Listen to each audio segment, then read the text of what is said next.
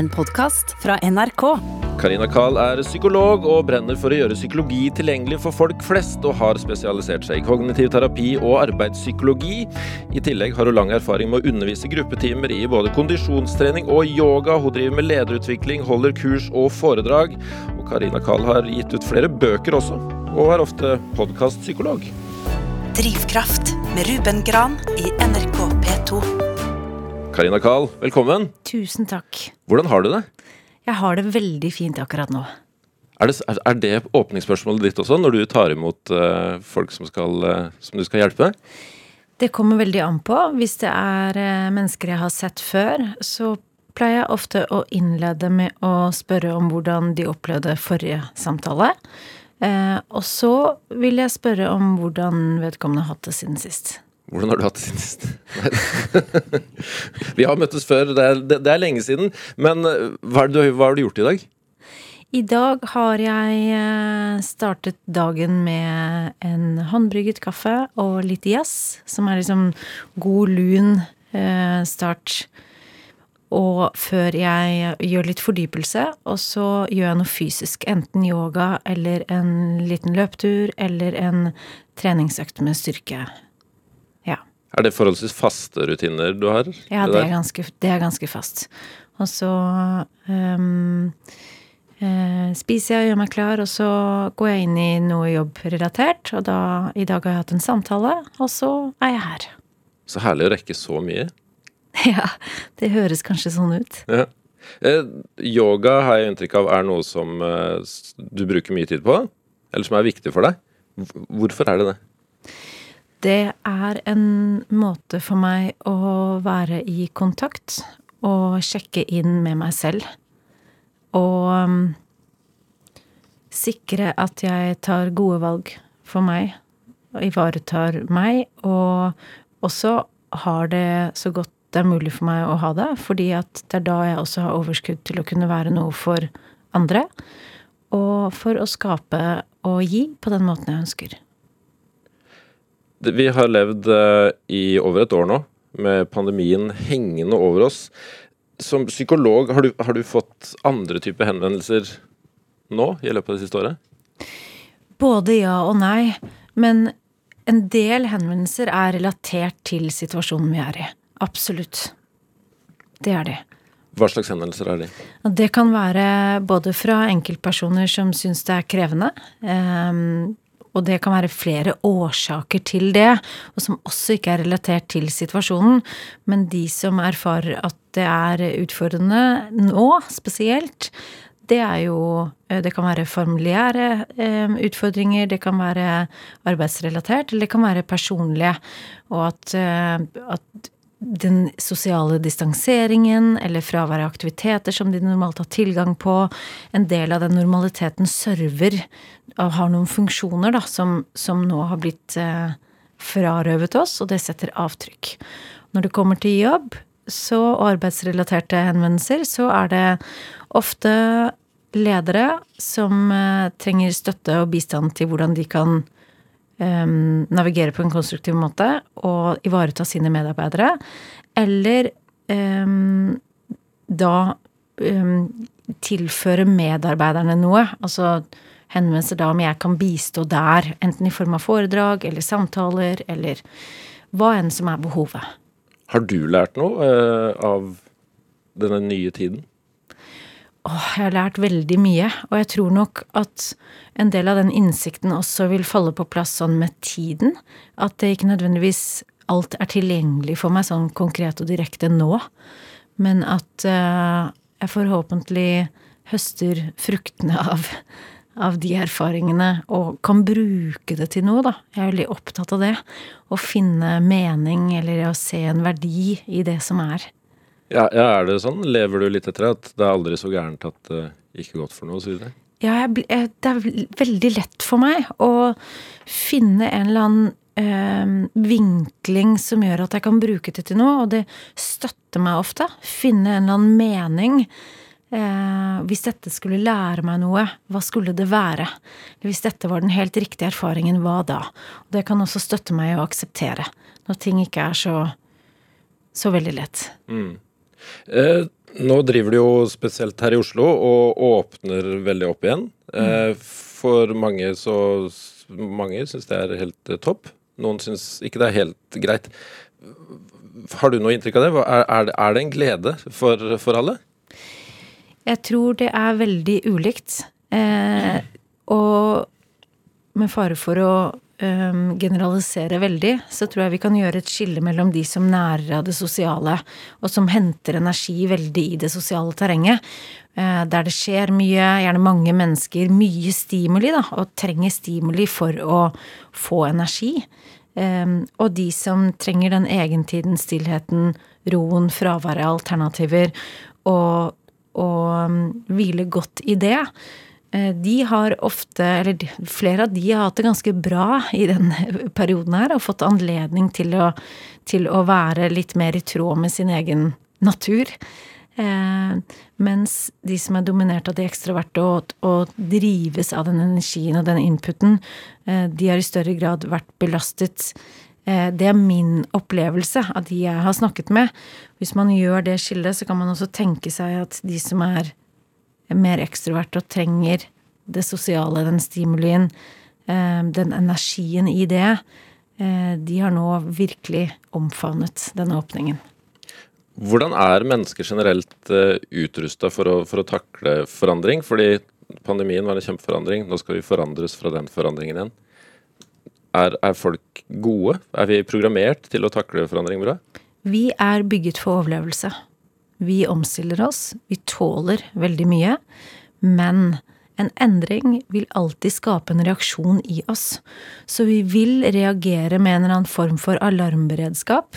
Det kan være erfares som stress, uro, angst, eh, også nedstemthet, eh, overveldelse. Eh, men vi vil registrere det på en eller annen måte, og det handler om at vi eh, At systemet vårt registrerer en endring, og da tilpasser seg og sørger for å sikre energi og kraft på en eller annen måte. Mm. Gjennom eh, arbeidet ditt så, så, så, er du opptatt av, har jeg skjønt, å, å formidle eh, kunnskap om, om, grunnleggende psykologi. Eh, gjøre det tilgjengelig, rett og slett. Hvorfor, hvorfor, er det viktig for deg? Det er viktig for meg fordi at um, jeg har en sånn driv i å skape innhold og verdi som setter konkrete avtrykk i andre menneskers liv um, på en positiv måte. Og hvis vi alle lærte eller visste litt mer om tanker, om følelser, om hvordan vi fungerer i samspill med hverandre, om tolkninger og tankefeil og disse helt grunnleggende eh, fenomenene innenfor psykologi, så tror jeg det hadde vært vesentlig lettere for oss å navigere i visse faser i livet. Eh, og da tenker jeg at det kan være en eh, følelse oppleves som litt sånn samfunnsansvar for mitt vedkommende. Å være med på å gjøre en del av den grunnleggende kunnskapen tilgjengelig for folk flest. Både eh, i privatlivet, men kanskje spesielt i arbeidslivet, fordi det er der de aller fleste av oss tilbringer veldig, veldig store deler av livet. Der foregår veldig mye interaksjon, og der foregår også noe helt sentralt, og det er personlig utvikling. Vi utvikler nye ferdigheter, vi lærer, vi opplever, vi erfarer. Eh, og i å skulle ta det inn, eh, bruke det nære av det, så vil det være nyttig for oss å ha, ha noe kunnskap, tror jeg, i bunnen. Både eh, for å høste av det positive, men også for å stå i det som er vanskelig og utfordrende. Stusser du over at ikke de tingene er mer sentralt i skole, i grunnskolen f.eks.? Absolutt. Jeg tenker at det er helt sentralt. Og psykologi er jo, utgjør jo fundamentet for alt vi er og gjør og erfarer. Det handler jo om kunnskapen om hvorfor vi tenker og føler og handler som vi gjør. Ja, for det slår meg som viktigere å lære om samhandling mennesker mellom enn Pythagoras, f.eks. Jeg tenker at begge deler er viktig. Ja, men, ja, det det. men ja, eh, jeg er helt enig.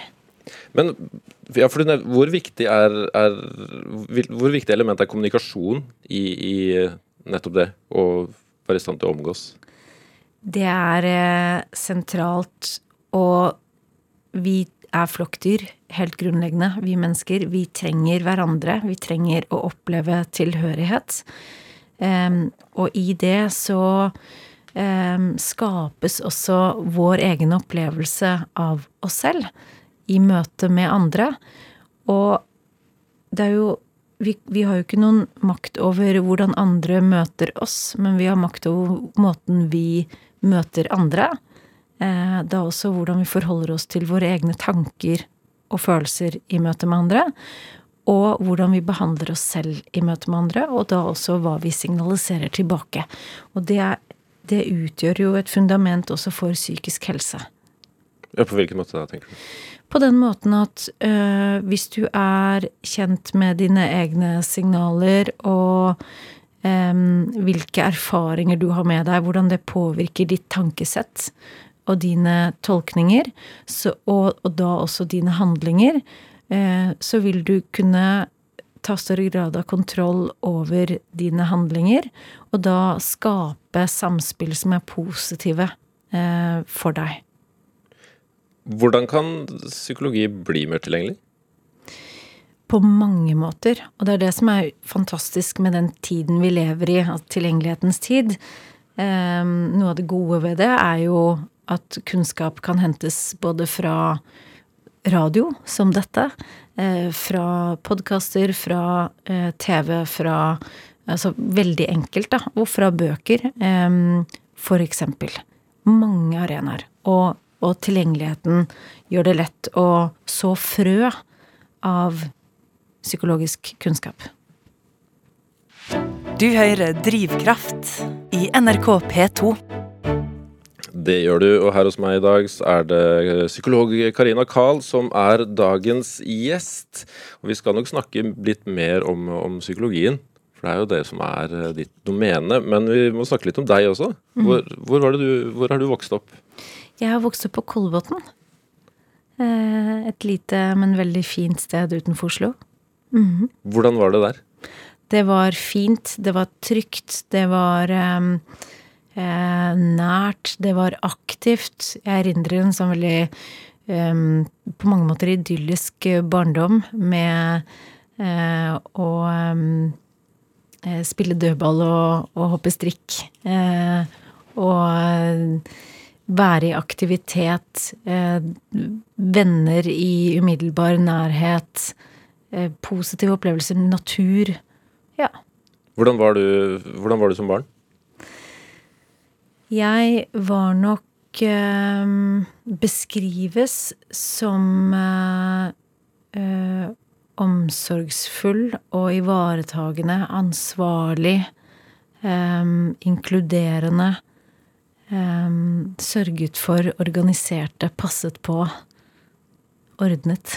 Hvordan tok det form? Det tok form på den måten at jeg eksempelvis, uh, ifølge min mor, uh, visste um, hvor og orienterte de som jobbet i barnehagen om hvem som hadde slått seg, hvor vedkommende var, og eh, vantene til den personen ligger i det skapet der. Altså, jeg hadde på styring og sørget for, visstnok, fra allerede fra tidlig av. Hva kom det av, tror du? Det er vanskelig å si. Det er nok sikkert et eh, samspill mellom eh, det jeg har med meg av genetikk, og det som skjer i samspill med omgivelsene, så ble nok det også positivt forsterket. For jeg ble på mange måter den som da tok ansvar, eh, hadde omsorg, ble sånn lim i, i mange sammenhenger, ivaretok de som kanskje var utenfor, sørget for at alle var med. Uh, jeg hadde nok et sånn blikk, og ble nok kanskje også da Fikk nok også litt tildelt den rollen, og ble nok forsterket på det i kraft av å få tilbakemeldinger om det også. Så det er sikkert et, eh, et fint samspill. Ja, ble det sådd en liten psykolog, psykologspir allerede i barnehagen? Det kan godt tenkes. Psykologien har og mennesker har alltid fascinert meg. Jeg har vært, og erindrer fra barndom, fra veldig tidlig av, at jeg var genuint nysgjerrig på andre mennesker, og var veldig i kontakt. Jeg søkte øh, musikk og kunst og øh, tegnet og skapte og malte og øh, tenkte mye. Leste. Altså, jeg var veldig søkende og nærværende allerede fra jeg var liten. Jeg oppleves i hvert fall sånn selv. Hva, hva drev moren og faren din med? Og de, de, drev med helt andre ting enn meg. Så jeg opplever ikke så mye Nødvendigvis så mye um, samsvar i interesser uh, på den måten, eller at det har vært sånn bevisst stimulert. Men at det nok har vært veldig sånn sterkt i min natur fra tidlig av. Mm. Du mista begge foreldrene dine i løpet av de siste to årene. Ja. Hvordan har det, hvordan det prega deg? Det har vært uh, veldig spesielt og um, overveldende, men fint og nært og rart, nytt. Det er vanskelig å finne ord som beskriver det, men både veldig fint og veldig vondt. Altså fint på den måten at det oppstår så mye annen kjærlighet som ikke nødvendigvis er tilgjengelig, eh, eller hadde blitt tilgjengelig på den samme måten, da. Eh, men det er selvsagt en dyp sorg og et eh, savn, og, og mm, veldig traumatisk også. Hvilke idealer har du med deg fra dem? Um, jeg har både Hvis jeg skal trekke frem noe som, som, er det første som kommer til meg, så er det fra pappa Så, så er det nok fascinasjonen for det kulturelle musikk. Jeg er ikke så veldig musikalsk, men jeg er veldig glad i å lytte til musikk. Um, liker å gå i operaen. Um, altså alt det som berører film. Um, og god mat. Uh, så vi hadde en sånn greie på at vi kunne Vi lyttet til musikk og um, Adagio, som vi alltid hørte på sammen, som var en av de konkrete stykkene som jeg har uh, Som jeg erindrer veldig godt, som, som minner meg om han. men også Vi kunne også gå ut og spise fine dining hvor ikke mamma koblet seg på. de var gift. Men og mamma var um, veldig en livsnyter. Dyktig med, med, blomster, veldig grønne fingre. Um, som jeg på ingen måte har klart å videreføre. Um, og også veldig glad i alt det som gir tilfredsstillelse sånn her og. Veldig, var veldig god til å nyte livet, rett og slett.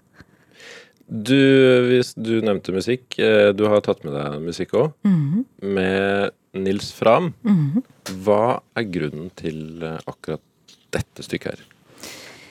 Det stykket um, har Det virker på meg på en på en veldig fin måte. Jeg er veldig glad i det. Det står for meg som veldig nært. Og det er fint å lytte til på stereo, eh, men enda finere live å se han og betrakte han. Og apropos drivkraft, for han eh, jobber og skaper og uttrykker noe helt særlig når han er eh, live. Det fascinerer meg. Så det er et eller annet med hans musikk som, eh, som, skaper noe i meg som jeg liker veldig godt. Og det skal du få kjenne på nå, for uh, her har du i hvert fall uh, litt av Nils Fram sin Cess uh, i Drivkraft på P2, tatt med av Karina Kahl.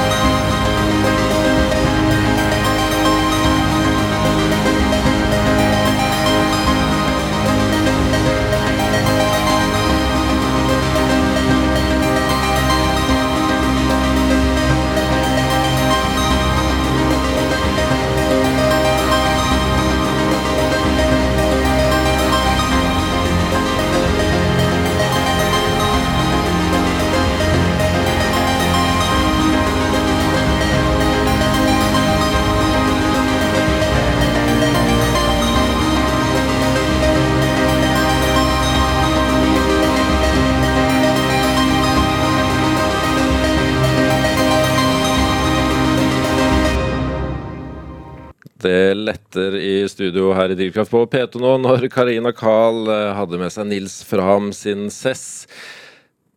Det var fint nå òg. Det var veldig fint Ja. nå.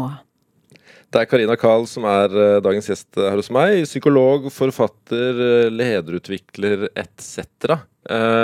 Og en av bøkene ditt ut heter Tenk enkelt. Er det en bok om forenkling? Det handler om mental minimalisme, er vel et ord jeg har um, kommet frem til gjennom arbeidet med den boken. Og bakgrunnen var egentlig at jeg selv erfarte, og fortsatt erfarer, at det er så mye inntrykk til enhver tid. Det er så mye jeg har lyst til, det er så mye jeg har, vil engasjere meg i, ta inn, følge med på. Eh, så mye stimuli at jeg blir nødt til å være selektiv. Og hvordan kan jeg være det, og hvordan kan jeg sikre det?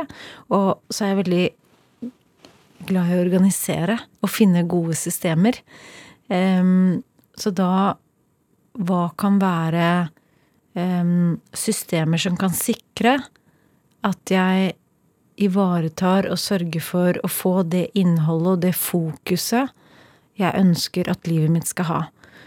Eh, og spesielt oppmerksomheten, hva som skal få lov til å oppta den, fordi at det er det mest dyrebare vi har. Oppmerksomheten er en begrenset kapital, og vi er kanskje mer bevisste om hvordan vi bruker tiden vår, men vi er veldig, eh, altså få av oss, bevisste om hvordan vi forvalter vår mentale kapasitet bevisst. Altså hva, hva angår hvilket innhold vi stimulerer hodet, hjernen, fokuset med. Og det Der ligger et enormt potensial. Menneskehjernen er helt fantastisk. Hva er den største utfordringen for å Eller mot, da. eh, Å, å forenkle? Eh, Det kan være flere ting. Jeg tror at eh, dels så er det i vår tid, en moderne tid, så lever vi i en individ- og prestasjonsorientert virkelighet som gjør at vi det, det er veldig, veldig høyt press og stort press på enkeltindividet. Fallhøyden blir stor. eh, I kombinasjon med tilgjengelighet, som, hvilket jo er helt fantastisk, hvor tilgjengelige vi er i den tiden vi lever i, men som også kan spenne ben for oss. Fordi at det kan bli for mye for oss å ta inn. For mye i forhold til hva som gir næring, øh, verdi, og som gjør at vi har det bra. Og der responderer vi også ulikt. Noen av oss øh, klarer å håndtere store mengder med informasjon på en god måte, eller blir kanskje til og med stimulert av det. Og så er det en del som, som opplever at det blir for mye, at man blir overveldet.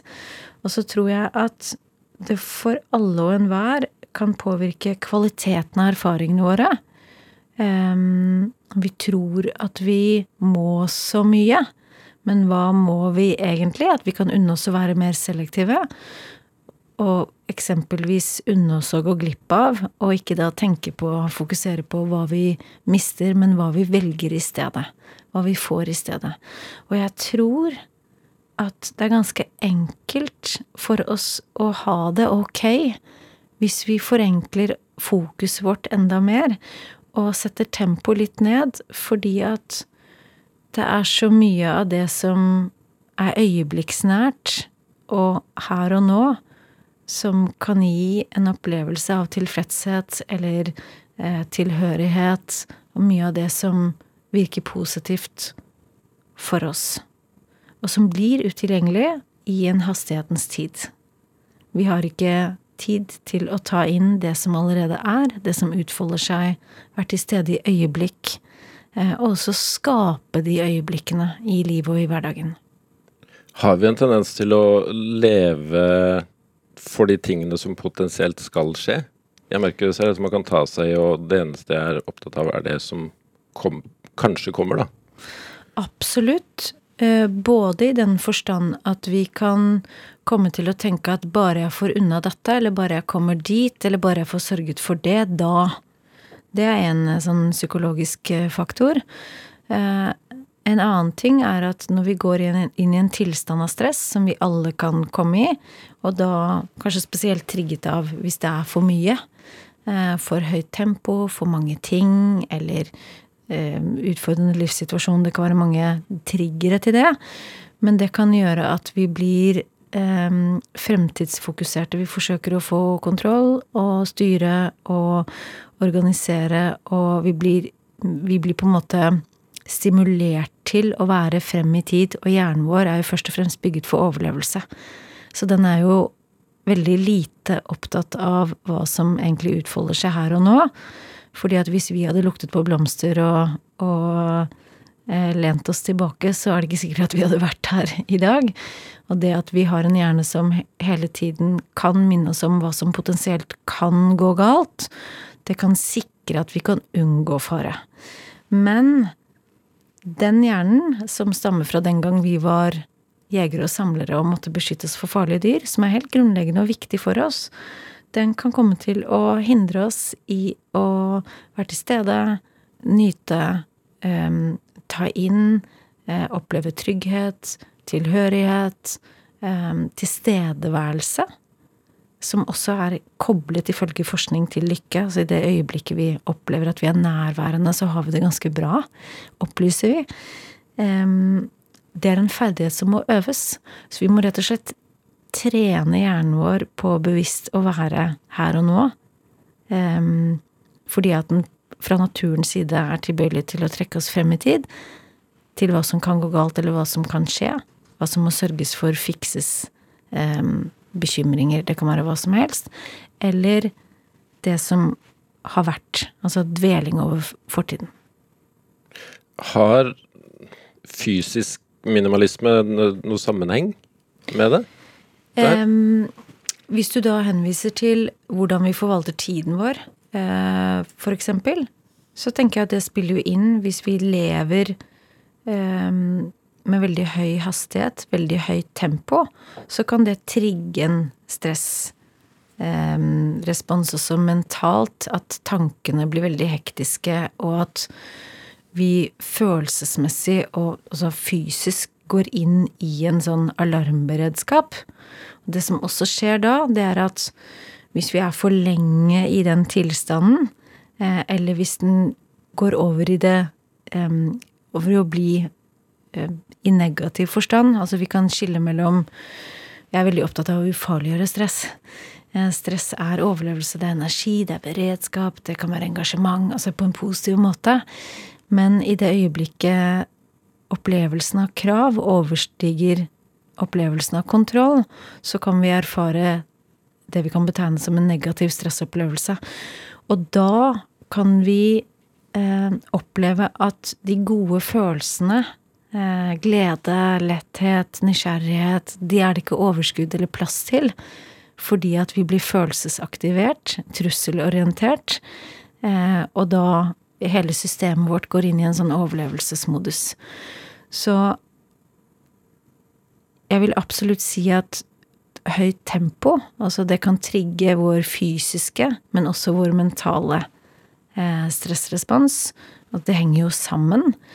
Og på den måten så, så, kan vi også både være bevisste om hvordan vi forvalter kalenderen og bruker tiden vår, tempoet vi lever i, og verdien i å sette tempoet ned, i hvert fall i perioder. Um, og vi kan være selektive med hvordan og hva som skal få lov til å oppta oppmerksomheten vår. Eh, hva vi rett og slett tar inn, og unne hjernen vår også å få litt pauseaktivitet eller litt litt eh, mindre stimuli. Det kan virke positivt på hvordan vi har det med oss selv, som da også setter avtrykk i relasjonene til andre mennesker. Kan man overdrive det å jobbe for mye med å skulle minimere eller forandre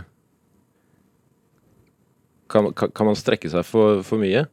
Det kan bli for mye kontroll, for rigid, for skjemastyrt, eh, og da for lite eh, fleksibelt og tilpasningsorientert eh, i forhold til livet. For livet er jo ikke lineært eller eh, forutsigbart eller Eh, det er jo heller ikke noe vi skal kontrollere, men noe vi skal leve.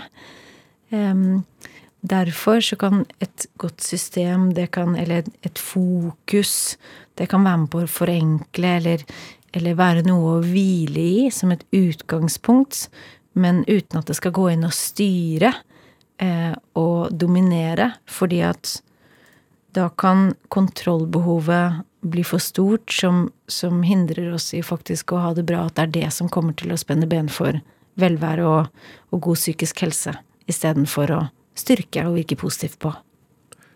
Så det er en slags balansegang man eh, Det er vel kanskje livet i seg sjøl, si.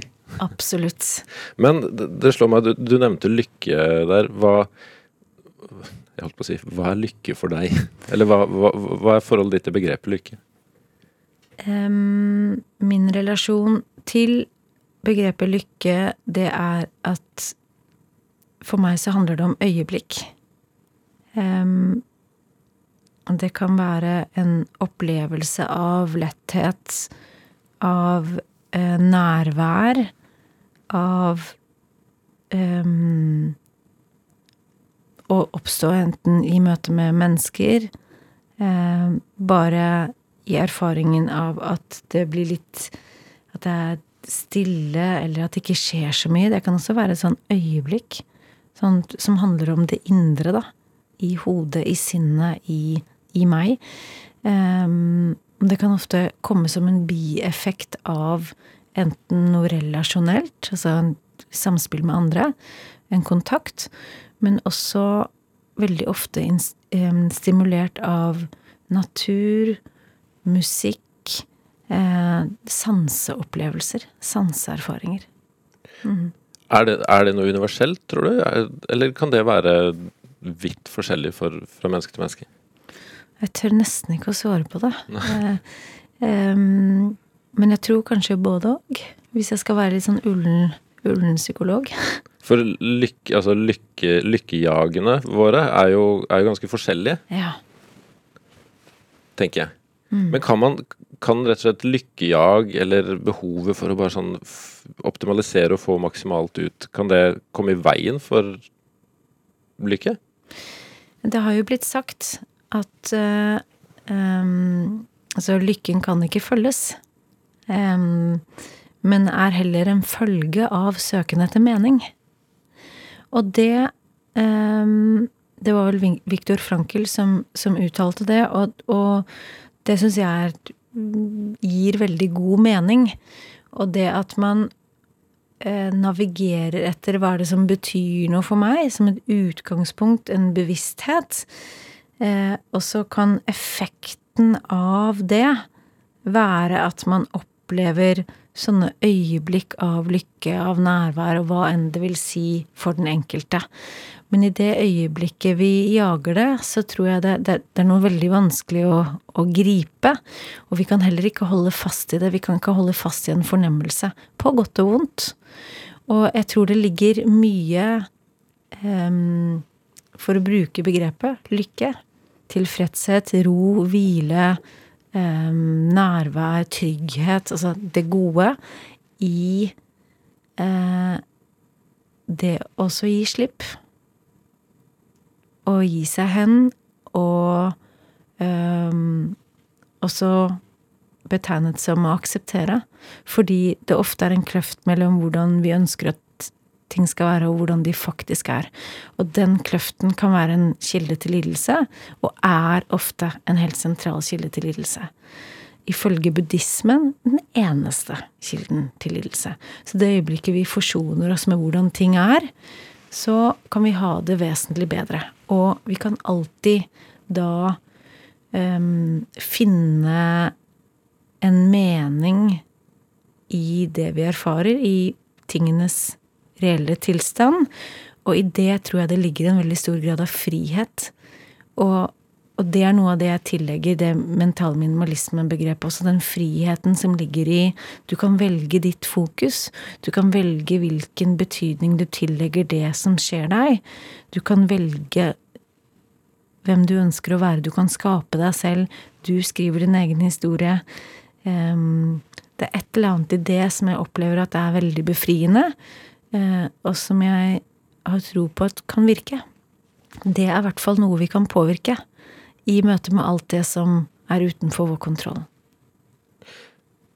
Fra utsiden så kan det jo virke som du har veldig mye på gang eh, til enhver tid. Eh, minimal, på tross av minimalismen. Er du, er du aktivitetsmaksimalist? Jeg er nok veldig organisert, men jeg tror nok at jeg kan virke utad um, veldig mye mer sånn aktiv og skapende enn det jeg reelt er. Og jeg bruker veldig og tilbringer og investerer mye tid i stilletid. Um, det kan være alt fra pust og meditasjon, men også det å ikke ha noe stimuli. Uh, lese, være uh, La tankene være litt sånn frie. Det er da jeg blir kreativ. Um, og også kan skape. Og når jeg tillater den stillheten, den roen, å sette tempo og giret ned, som jeg er helt avhengig av. Jeg trenger de pausene. Jeg trenger å næres i, i stillhet. Så kan jeg bli enormt kreativ og få en sånn helt uvirkelig skapertrang. Og når jeg da setter i gang, eller når jeg da får ideen, så blir jeg veldig effektiv. Um, så jeg er nok veldig både effektiv og organisert, og da bevisst om hvordan jeg forvalter tiden min og kapasiteten min. Og i det så får jeg nok utrettet eller skapt og gjort en del. Men det er ikke sånn at jeg jobber eller gjør, utretter noe hele tiden. Jeg investerer veldig, veldig mye tid i, eh, i å være. Og har noen sånne Eller har et system, det er et utgangspunkt jeg liksom hviler i. Som både innebærer det å komme ned i kroppen, bruke kroppen, um, bruke sansene. Uh, alt fra å bade hele året, som jeg er veldig glad i, uh, til å, å um, lytte til musikk, til å gå på forestillinger, til å uh, gå ut og spise, til å møte, snakke med, med mennesker, og gjerne også nye mennesker, til å lese bøker, til ja, hvordan uh, forsto du at det var måten for deg?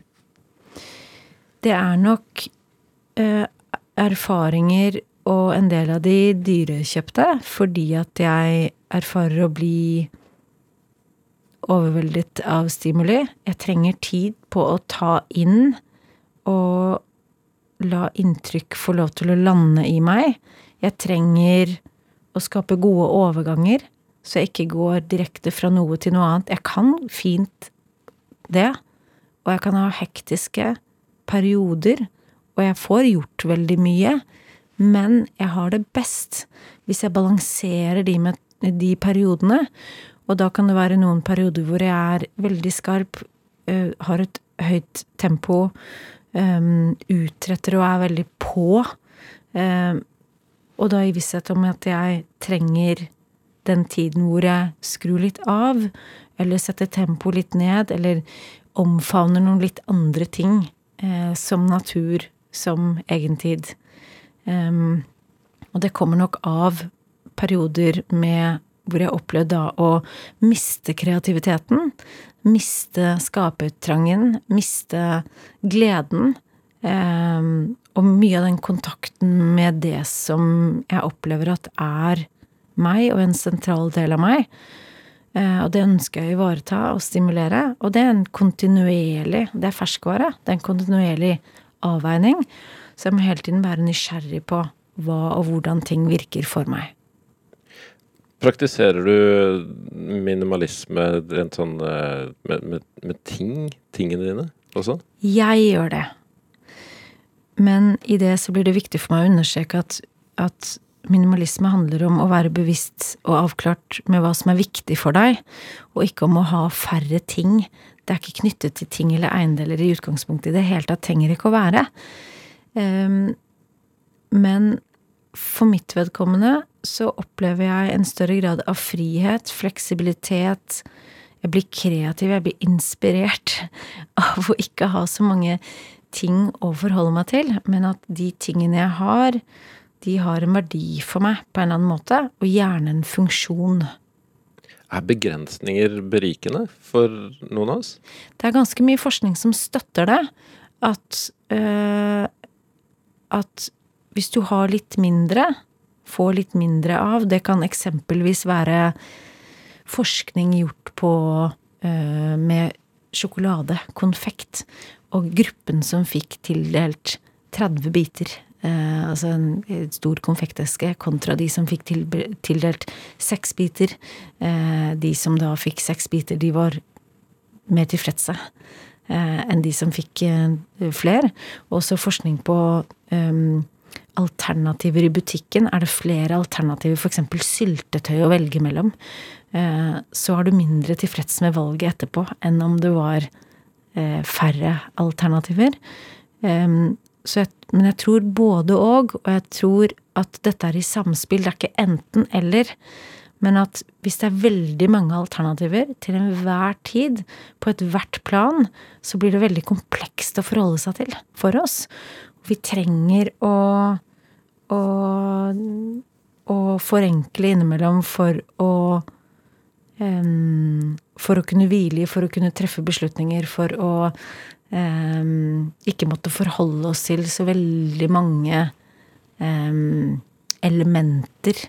Skulle ta stilling uh, utover det som livet gir oss for øvrig, som kan være nok. Hva er de mest eh, essensielle tingene i, i livet ditt? Eiendeler. Mm. Uh, for meg står frihet veldig høyt, så jeg er både veldig takknemlig for altså alt fra øh, yogamattene mine til jeg har en sammenleggbar sykkel som har vært med meg både til Japan og til New York øh, flere ganger. Ja, Du tar den med på reise? Ja. Og fordi at jeg ikke har så mange ting, så reiser jeg jo selvfølgelig alltid med håndbagasje. Det er veldig enkelt. Og da pakker sykkelen i en sekk på ryggen. Eh, og da er jeg fri, og da kan jeg utforske de stedene jeg er på en helt annen måte. Og det er på disse reisene også mange av bøkene har blitt til. For da får jeg en sånn helt særlig spennvidde. Så den sykkelen gjør meg tilgjengelig og gir meg en fleksibilitet. Jeg har en bil som også gir meg en frihet til å oppsøke natur når jeg ønsker det, eller besøke gode mennesker, eller Og det har en verdi for meg. Så og så er det noen andre ting også som jeg er veldig takknemlig for. Jeg har en Futon-madrass som jeg sover på, som jeg er veldig glad i. Fordi at søvn er viktig. er helt sentralt for å ha det bra, for å virke. Og, så det er noen sånne Og utover det så har jeg ikke så innmari mange ting. Jeg har et spisebord, jeg har noen spisestoler, jeg har, sant, jeg har noen sånne essensielle.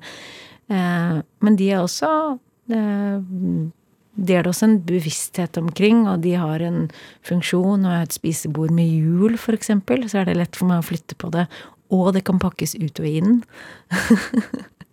så jeg er veldig glad i det som har en funksjonalitet. Drivkraft i NRK P2. Og det er psykolog Karina Kahl som er her hos meg i dag. Eh, og som psykolog så gir du jo folk råd og veiledning eh, til hvordan man kan få det bedre, rett og slett? Er det enkelt forklart? Ja, ja. men jeg har lyst til å nyansere den litt, fordi at um, jeg ønsker å gjøre, som jeg har snakket om, altså kunnskap om grunnleggende psykologi tilgjengelig, sånn at de i større grad kan, kan eh, lede seg selv på en god måte. Og da eller skape, tilrettelegge for et forum da, i samtale, eksempelvis, Eh, hvor de kan få lov til å eh, være trygge til å eh, utforske og reflektere rundt hva er det jeg trenger, hva er viktig for meg, hva er det som egentlig foregår, hva er det som kommer i veien, hvis man søker bistand til noe. Um, og stille de spørsmålene som gjør at de selv kan komme frem til svaret. Fordi jeg har ikke fasiten, men jeg kan ofte ha noen konkrete knagger og henvise til forskning eller til erfaring med hva som kan virke for noen, fordi at eh, Spesielt hvis man har det vanskelig, så er det, erfarer jeg, godt å ha noen knagger. Eh, men det å gi råd er jeg bevisst om å være veldig forsiktig med. Hvis jeg gjør, så er det eh, Så er jeg veldig bevisst om hvordan jeg formulerer det, sånn at det ikke blir eh, noe konkret som de må gjøre eller skal gjøre, men heller en invitasjon som kan være verdt å teste ut og se hvordan det virker for de. Men at vi alle er ekspertene i vårt liv, det tror jeg er et viktig utgangspunkt. Og jeg vet noe om grunnleggende psykologi. Noe. Og de menneskene jeg møter, de er De vet mest om seg selv, og det er et godt utgangspunkt for et samarbeid. Så jeg håper heller at de møtene kan bli en arena for, for um, å våge å teste og utforske og være Uten at det skal høres igjen veldig sånn ullent ut, men da gi noen konkrete knagger som man kan teste, men uten at det er en fasit. Når skjønte du at psykologien skulle bli din bane? Tidlig. Vi var jo innom barnehagen i stad, men var det allerede da? Eller jeg regner ikke med at du reflekterte så mye rundt karrieren din da, kanskje? Det var Jeg vet ikke om jeg kan si akkurat når, men jeg leste og leide, altså lånte bøker på biblioteket fra tidlig av som omhandlet psykologi. Så det var både veldig interessen for psykologi og hvordan vi, hva som foregår inni oss og i samspill med andre, eh, men også en veldig interesse for kreativitet. Så jeg var en periode i tvil om hvilken retning jeg skulle gå. Om jeg skulle gå med det kreative, eller om jeg skulle gå med psykologien, og valgte heller da å ha, å ha kreativiteten ved siden av, eller ha den med meg inn i psykologien som en del av det. Ja, for du har malt en del? Mm. Jeg har tegnet og malt og vært veldig sånn kreativ på den måten fra jeg var liten. Av, jeg var liten. Og så uh, har jeg laget mitt eget tøy i mange år. Og det, der kommer jo også minimalismen inn, fordi at jeg Og funksjonaliteten. Jeg syns det var så frustrerende at man ikke At jeg ikke kunne finne klær som både eh, var pene eller arbeidsjobbrelatert, eh, eller som jeg kunne ha på meg i, i eh, ikke bare profesjonelle sammenhenger, men litt sånn se ok stelt ut. Eh, men også å kunne gå en tur, eller være i fysisk aktivitet, gå i skogen, ikke sant. Uten at man trenger å ha så innmari mange skift. Eller Ja, så jeg syns um, det manglet um, det som inkluderte både det som er um, pent, men kvalitet, og funksjonelt. Så jeg laget faktisk et eget brand på et tidspunkt som het Ava, eh, som betyr 'den som lever', og hvor undertittelen var um, 'Functional without compromising the aesthetics'. Og eh, solgte en del buksedrakter og gjorde en greie på det. Og det er også en drøm jeg egentlig har i magen, med å gjøre en sånn enkel kolleksjon igjen. Og det, det meste av de klærne jeg har nå, jeg har veldig få plagg, men eh, sommerhalvåret så er det eh, Har jeg noen få plagg i silke som server den eh, forhåpentlige eh, økningen i, i, i, temperatur, i temperaturstigningen. Eh, og om vinteren så er det de samme plaggene og materialene stort sett i Eller plaggene i, i kasjmir, som da er varmt og lunt og funksjonelt på den måten. Og da har jeg jo veldig få, men enkle plagg. Det virker til alt. Det gjør meg bevegelig, eh, fleksibel. Eh, det er forutsigbart, forbundet med færre valg, osv. Ja, er det noe du vurderer noen gang? Og, om ikke, å, å, ta, å ta en pause fra psykologien og dedikere deg de mer skapende siden av deg? Um, jeg har en drøm i magen om å gå mer um, i den retningen, eller la det få lov til å ta mer plass, i hvert fall i perioder. Uh, men det handler også en del om alt det organisatoriske rundt det, fordi at da vil jeg ønske meg å ha apparatet, uh, sånn at jeg ikke skal finne ut av å organisere alt selv. Det er sånn typisk at jeg gjør. Og akkurat i den settingen her så hadde det vært veldig takknemlig om noen andre tok seg av um, de faktorene som ikke nødvendigvis gir så mye for meg, da. Så jeg kunne bare fokusere på det kreative, eksempel. Så det er en, det er en drøm. Mm. Fordi tross av at man skal leve her og nå, drømmer er viktige? Veldig. Og jeg tenker at drømmer viser vei. Det man ønsker mer av, det man søker. Og livet er jo her og nå. Det eneste vi vet, det er dette øyeblikket her.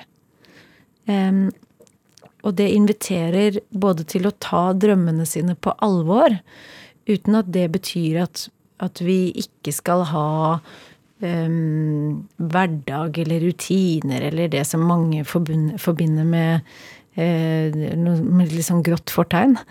Uh, jeg er jo veldig glad i det, det som er gjentagende og som jeg kan glede meg til. Uh, og noe å hvile i, men, men også nye erfaringer, og som kanskje gir rom for å ha overskudd og, og kapasitet til det. Um, men det å gå med det man ønsker seg mer av, det tror jeg er viktig. Og og jeg tror også at det er fine kilder til samtaler med andre mennesker. Det å snakke om hva man ønsker seg, hva man drømmer om, hva man har lyst til. Og i de aller fleste tilfeller så tenker jeg at vi er mer til hinder for oss selv enn det realiteten faktisk er. Og at det er veldig mye mer vi kan gjøre, få til, skape, erfare i livet enn det vi tror. Um, og vi, vi, må ikke leve um, altså etter et A4-mønster eller på en bestemt måte. Det er veldig mange muligheter vi har som, som, jeg tror at vi kan glemme, eller som kommer utenfor vår bevissthet når vi er i tilstander f.eks. av stress, eller i det berømte hamsterhjulet. Um, og den eksponeringen vi utsettes for i tilgjengelighetens tid, for hva alle andre gjør, og hvor bra og vellykkede osv. Um, og da å komme tilbake til hva er det jeg ønsker meg, hva er det som er viktig for meg, hva er det som betyr noe for meg. Um, og være litt selektiv i, i, hva man tar inn. Jeg tror på det. Og jeg tror at um, jeg tror at det finnes flere muligheter, og at vi også kan Og det, det bor flere egenskaper, ferdigheter, muligheter i oss også enn en det vi tror. At vi tidvis kan være tilbøyelige til å kjøre oss inn i mønstre eh, på mange plan. Karina Kahl, mm. tusen takk for besøket. Selv takk. Og du kan selvfølgelig høre flere Drivkraft-samtaler. Det gjør du i NRK-appen, eller du laster oss ned som podkast der du gjør det. Eh, send oss gjerne en, eh, et elektronisk brev. Det kan du gjøre til drivkraft, krøllalfa, eh, alfa, nrk.no. Gi oss ros, ris eller tips. Produsent og research i dag har Ellen Foss Sørensen stått for. Jeg har vært Ruben Gran. Ha det godt. Vi hørs. NRK Radio. Det kan ikke være noe annet enn en måned. Hele historien. Terrordagen 22.07.2011 koster 77 liv og berører en hel verden. Ikke til å begripe. Oppdatert. Hva med en podkast som plukker ut de viktigste nyhetene for deg, og som snakker om dem på en sånn måte at du ikke klarer å la være å høre på? Fantastisk. En snarvei til skikkelig peiling. Lørdagsrådet. Hører på Lørdagsrådet hver morgen og ble så glad da jeg hørte Live lese opp problemet mitt. Hør flere podkaster og din NRK-kanal i appen NRK Radio. NRK Radio. Vi hører sammen.